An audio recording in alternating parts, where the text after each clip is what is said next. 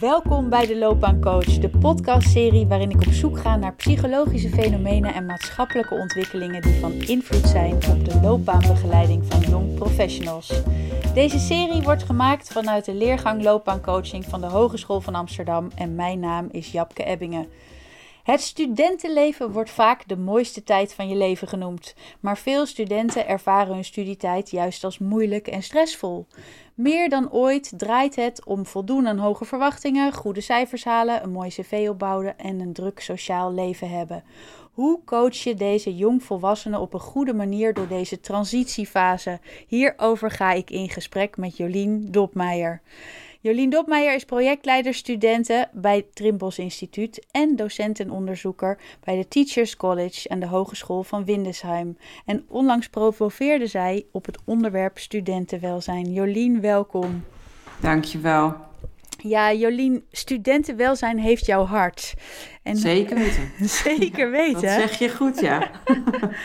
en wat, ja, al een tijdje. Ja. ja, precies. Wat wekte jouw interesse? Um, nou, eigenlijk merkte ik uh, al een jaar of tien geleden als docent, ik werk inmiddels uh, eh, 12,5 jaar uh, ruim bij uh, Windesheim, in mijn klas dat veel studenten eigenlijk tegen heel veel dingen aanliepen die in de privésfeer speelden of in ieder geval in hun persoonlijke ontwikkeling. En ik kwam erachter dat zij daar dusdanig tegenaan liepen dat het ook hun studieresultaten eigenlijk ging belemmeren. En dat had ik eigenlijk al wel een beetje in de gaten. Maar in het begin weet je natuurlijk nog niet zo goed of dat nou aan een, een, ja, toevalligheid ligt in een specifieke klas of niet. Maar toen ik op een gegeven moment, een uh, flink aantal jaar geleden, um, ongeveer in diezelfde tijd, een student tegenkwam die ik ook in mijn proefschrift heb beschreven. Vera. daar Vera. ja, klopt. Um, die mij na de les waar ik voor inviel eigenlijk, het was eigenlijk helemaal niet een, eh, een eigen college of een eigen vak gaf. Uh, waar ze mij aansprak. Dus ik was ook niet haar eigen docent. Dat is wel een belangrijk uh, punt om te maken. Uh, want zij moest over een drempel heen om mij te benaderen. omdat het gewoon niet goed met haar ging. En het bleek dat haar moeder heel ernstig ziek was. en ook niet voor de eerste keer. Maar dit keer was heel duidelijk dat, dat zij ook niet beter zou worden.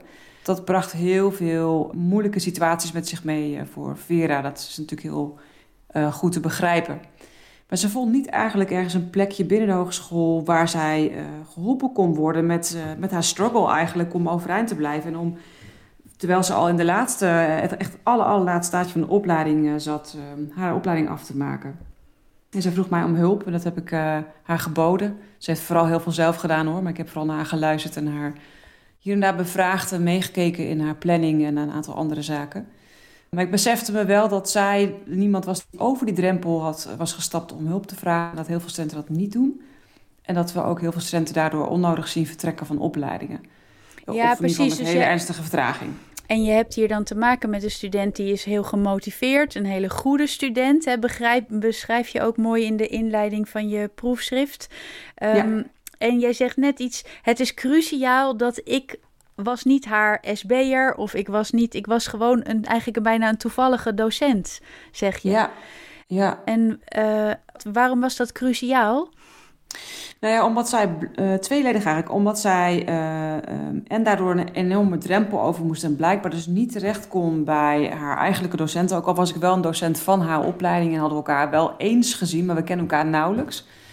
Maar zij heeft blijkbaar iets uh, gevoeld waardoor zij die openheid wel uh, kon pakken. En ondanks dat het diep binnen haar eigen opleiding was. En eigenlijk wil je natuurlijk dat iemand zich binnen een eigen opleiding vooral gezien en gehoord voelt. En daar een plekje heeft waardoor je gemakkelijk je, je hulpvraag kan stellen. En je ook ondersteund ziet op je, ja, jouw bekende plek. En ze moest een extra drempel over, omdat ze daar op dat moment niet kon vinden. En ze wel de moed had om dat dus ook elders dan maar te vragen. En dat is iets dat, wat we nu weten, na mijn onderzoek en andere onderzoeken die over studentenwelzijn gaan, dat studenten niet heel snel doen. Dus dit is ook een student die daarmee een stap zette uh, die we eigenlijk heel graag zouden willen zien van meer uh, studenten. Uh, dat ze die hulpvraag stellen. Um, maar liet dus ook een bepaalde competentie van haar zien dat ze dat ook buiten de eigen opleiding durfde, kon en deed. En Um, we zouden het hen eigenlijk moeten vergemakkelijken. Dus, de, ja, dus hoe... je de moeilijkheidsgraad zien. Ja, de moeilijkheidsgraad zien. En hoe kan je dus het uh, vergemakkelijken, deze jong uh, volwassenen, hun hulpvragen eerder te laten stellen en op die plek.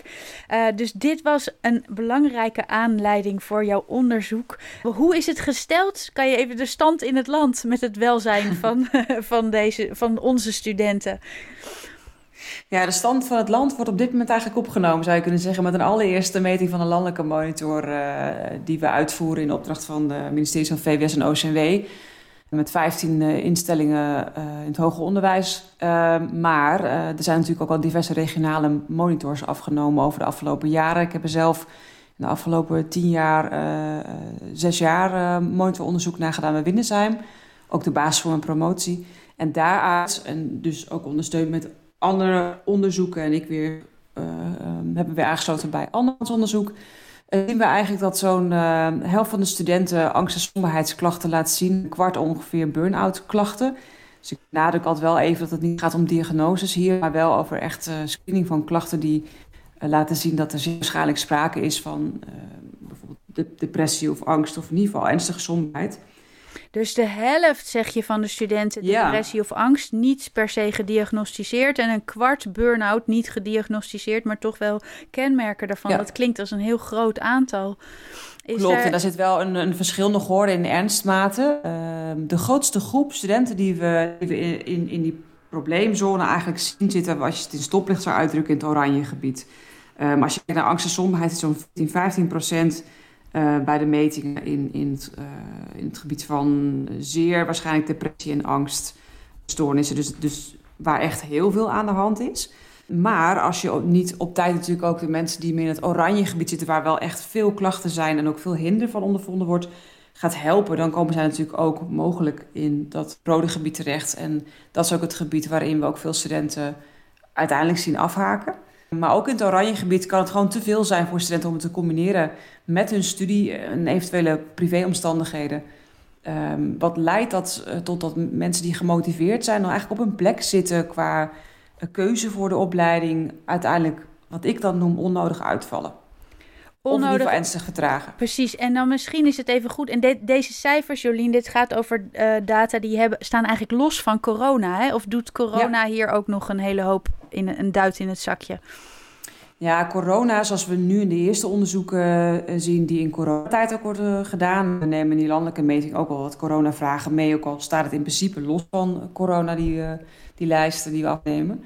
Corona laat eigenlijk zien uh, dat de problematiek nog verder verergerd is als het over psychische problematiek gaat. Middelengebruik zit vaak ook in dit soort lijsten. Lijkt af te nemen op een aantal uitzonderingen na. Denk aan slaapmedicatie, neemt wat toe en in enkele gevallen bijvoorbeeld cannabisgebruik. Maar alcoholgebruik lijkt wat af te nemen.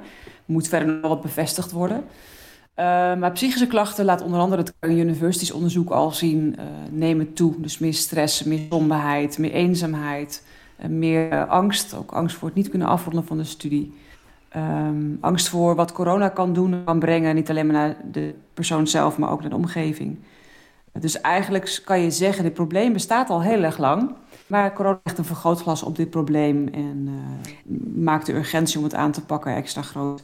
Dus des te belangrijker jouw onderzoek, en dat merk je ook wel aan de aandacht die ervoor is. Uh, zou je voor ons het kunnen, de term welzijn kunnen definiëren? Want wat is precies studentenwelzijn? Het is zo'n groot en ruim begrip. Ja, klopt.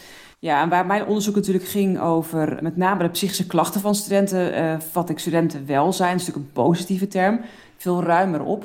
Het gaat mij dan ook echt over een bepaalde staat waarin studenten uh, verkeren, die dus positief is. Eigenlijk die, uh, die uh, maakt dat studenten in staat zijn om eruit te halen wat erin zit. Dat betekent niet dat er een afwezigheid zijn van bepaalde problematiek. Iemand die bijvoorbeeld uh, depressief is, begeleiding zou prima kunnen studeren. het gaat erom dat de student een goede begeleiding heeft en, en, ook goed zicht heeft op zichzelf en signalen kan herkennen wanneer hij hulp nodig heeft.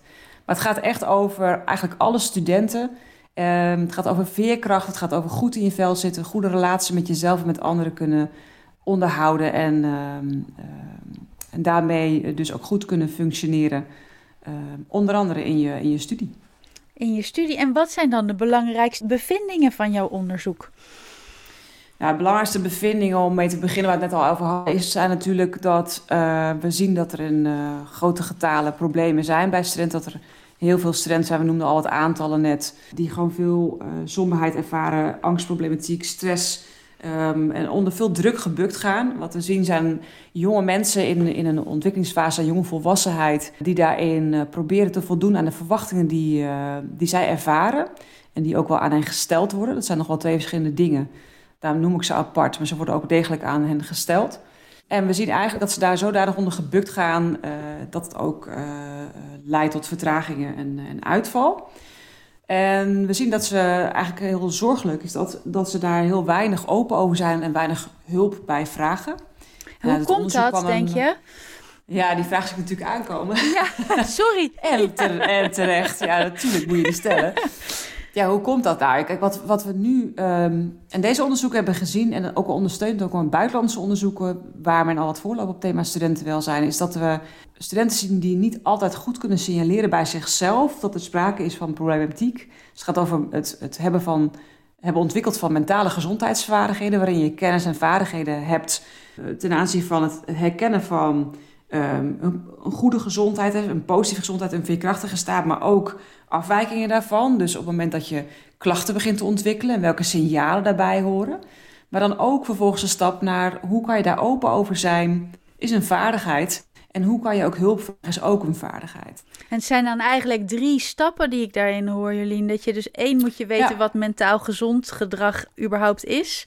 Uh, en, en, dan moet je het bij jezelf herkennen. En dan moet je je daar ook nog kwetsbaar in durven opstellen. Ja, dat zijn dingen die we eigenlijk bij die individuele student kunnen aanleren. Maar wat ik ook in mijn proefschrift ook geschreven heb, is, is dat ik vind dat het over de problemen, psychische problemen bij studenten wel heel makkelijk bij de student zelf wordt neergelegd. En ook bij de onderwijsinstelling. Kijk, die problematiek rondom jongeren uh, die onder druk staan, die speelt natuurlijk ook bij wat oudere volwassenen. Prestatiedruk is iets van deze tijd. Um, en het najagen van verwachtingen en het hard doorrennen met z'n al. Dat merken we denk ik nu ook wel uh, in coronatijd, nu stil komt te staan, hoe hard we gerend hebben. Maar jongeren zijn kwetsbaar in die fase. Dus die, die vaardigheden bijna aanleren is heel belangrijk. Maar een veilig klimaat waarin zij dat kunnen doen. En waarin zij ook open kunnen zijn. En dat dus ook door docenten en andere studentbegeleiders gecreëerd moet worden als we het over de onderwijsinstelling hebben. Dat is ook essentieel. En daarbij gaat het eigenlijk over het bevorderen van wat we dan, naar mijn idee, nog niet met een mooi Nederlands term kunnen vertalen, maar over een belonging. Het gevoel dat je ergens thuis hoort, uh, het gevoel dat je onderdeel bent van een groep een klas is zo'n groep. Uh, een onderwijsinstelling is een omgeving waarin je thuis kan voelen. En dat is niet alleen maar een, uh, echt een universele menselijke basisbehoefte, hè, je plek ergens vinden. Dus niet te verwarren met je aanpassen om ergens maar in te kunnen passen. Maar echt ook uh, je bij jezelf thuis te voelen en daarmee ook in de omgeving waarin ook de onderwijsinstelling daar dus moeite voor doet. Wat veiligheid creëert, bepaalde taal gebruikt, uitnodigend is. Docenten die ook zelf kwetsbaar durven te zijn. En waarin uitgestraald wordt dat je fouten mag maken. En waarin dus ook aandacht is voor een vangnet. Omdat het niet goed gaat met studenten. Uh, wat ook uitgebouwd mag worden op, op vele scholen. En dus het investeren preventief in die mentale gezondheidsvaardigheden. Ja, dus het zijn eigenlijk twee hele belangrijke bevindingen die je, die je noemt. Een soort van twee lijnen. Aan de ene kant dus die mentale gezondheidsvaardigheden. Uh, dat die heel essentieel zijn voor je welzijn. En aan de andere kant, en dat is als een soort van rode draad door alles heen, die sense of belonging. Uh, ja, en om deze te bevorderen. Uh, is dat, ja, sense of belonging, wat zou een mooie Nederlandse vertaling zijn? Verbinding of binding? Of... Ja, verbondenheid is wel een term die veel daarvoor gebruikt uh, wordt. Uh, waar het onder andere ook gaat over persoonlijk contact. Het, het interessante van belonging, um, als je kijkt naar de definitie, is de wederkerigheid die erin zit. En die verbondenheid. Dus het is niet alleen maar dat de, de student zich ergens thuis voelt en daarmee iets kan komen halen in les, zeg maar, of bij klasgenoten. Maar ook iets kan komen brengen, doordat hij bij zichzelf kan zijn. En er zit een heel duidelijke zelfacceptatie achter. Um, uh, wij hebben elkaar eerder gesproken en toen vertelde ik jou ook over dat ik uh, Brene Brown een enorme inspiratiebron uh, vind met haar werk over kwetsbaarheid en andere onderzoeken die zij heeft gedaan mm -hmm. naar belonging.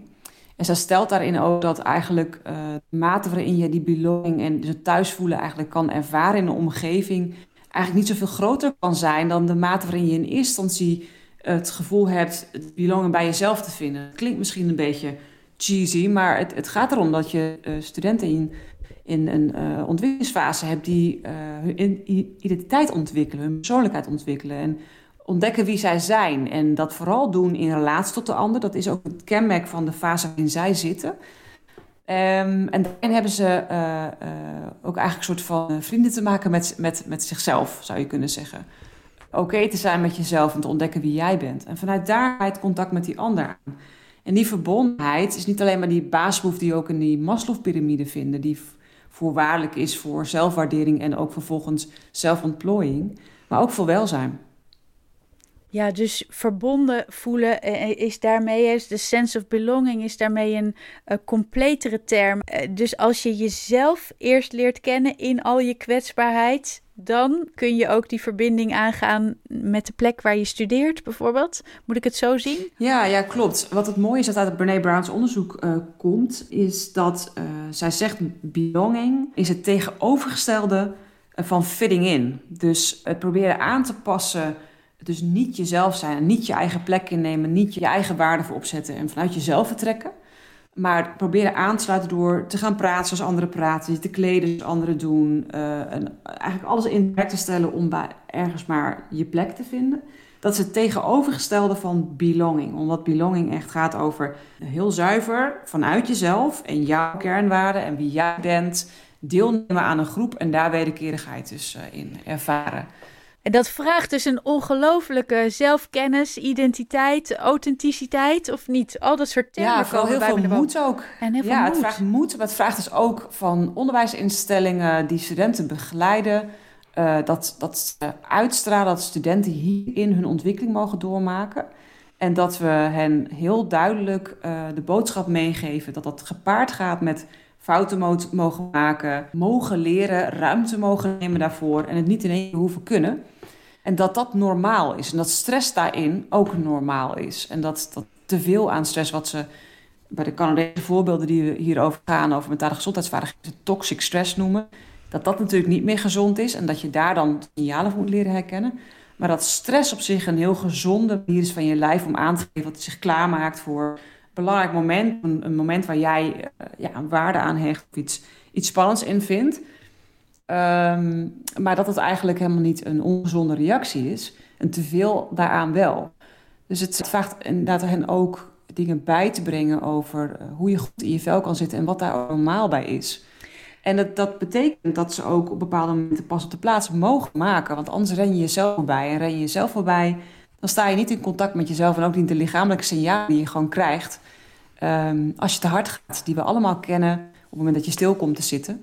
Uh, dat je een hoofdpijn krijgt, of je onrustig wordt, of dat je afgeleid raakt, of zenuwachtig, of noem het maar op. Dat je daar ehm, beter naar leert luisteren en meer leert begeleiden. En jij noemt het, het hè, dat is een taak voor de onderwijsinstelling. Als we hem dan even pakken naar de rol van loopbaanbegeleider. Ja. onder andere, dat snap ik. Uh, als je naar de rol van loopbaanbegeleider trekt, welke rol uh, zie jij hierin voor de loopbaanbegeleider weggelegd? Ja, de loopbaanbegeleider is natuurlijk een belangrijke positie. Uh, als het gaat over studenten, zijn natuurlijk uh, naast de algemeen docenten, vaak hebben mensen natuurlijk ook een dubbel rol. Ik heb het zelf ook in het verleden gehad de mensen die heel dicht bij die student kunnen komen te staan. Tegelijkertijd zijn de loopbaanbegeleiders vaak ook mensen die veel studenten begeleiden. Dat zijn wel mensen die uh, de student kunnen helpen leren uh, signaleren. Nou zou ik het liefst zien dat die mentale gezondheidsvaardigheden vanuit het preventieoogpunt, het, het, het idee van levensvaardigheden ontwikkelen, gewoon in het curriculum opgenomen worden voor een ieder en niet per se bij een loopbaanbegeleider komen te liggen. Maar een loopbaanbegeleider kan in gesprek met de student wel nagaan uh, als het met een vraag komt of een probleem komt hoe het met die mentale gezondheidsvaardigheden gesteld is en waar daar misschien winst te behalen valt. En dan uh, is het natuurlijk belangrijk dat die loopbaanbegeleider zelf ook kennis van zaken heeft. En daar dan het goede gesprek over te voeren en ook een inschatting te maken of er eventueel verder hulp nodig is en bijvoorbeeld wel verwijzingen nodig zijn aan een uh, student, psycholoog of erbuiten. En soms is het ook gewoon genoeg om een goed gesprek, een aantal goede gesprekken met je loopbaanbegeleider te hebben. Dus ik denk een signaleringsfunctie is denk ik een hele belangrijke en een verwijzingsfunctie voor uh, een studieloopbaanbegeleider. Een signalering en een verwijzingsfunctie. En je hebt de term eigenlijk ook ermee heel erg opgeruimd, namelijk heb oog voor de levensvaardigheden. Uh, En in plaats voor alleen de loopbaanvaardigheden. En daarin proef ik bij jou ook een soort ontstressen. Hè? Dus dat je het eigenlijk meer een uh, veerkracht voor het leven maakt en niet zozeer de prestatie of een studie die af moet. en dat, je, zo, dat je dus soms ook even moet kunnen stoppen. Jolien Dopmeijer, het was me een genoegen dat wij hier uh, online in gesprek waren. Um, ontzettend leuk dat je dit wilde doen. Dit was de Loopbaancoach. Luisteraars, leuk dat je er weer naar luisterde. We zijn te vinden op iTunes, Soundcloud, Spotify of via de website www.hva.nl/slash loopbaancoaching. Ook zijn we te volgen op Instagram, de underscore loopbaancoach. Zeg het voort. Dit was de Loopbaancoach. Leuk dat je luistert.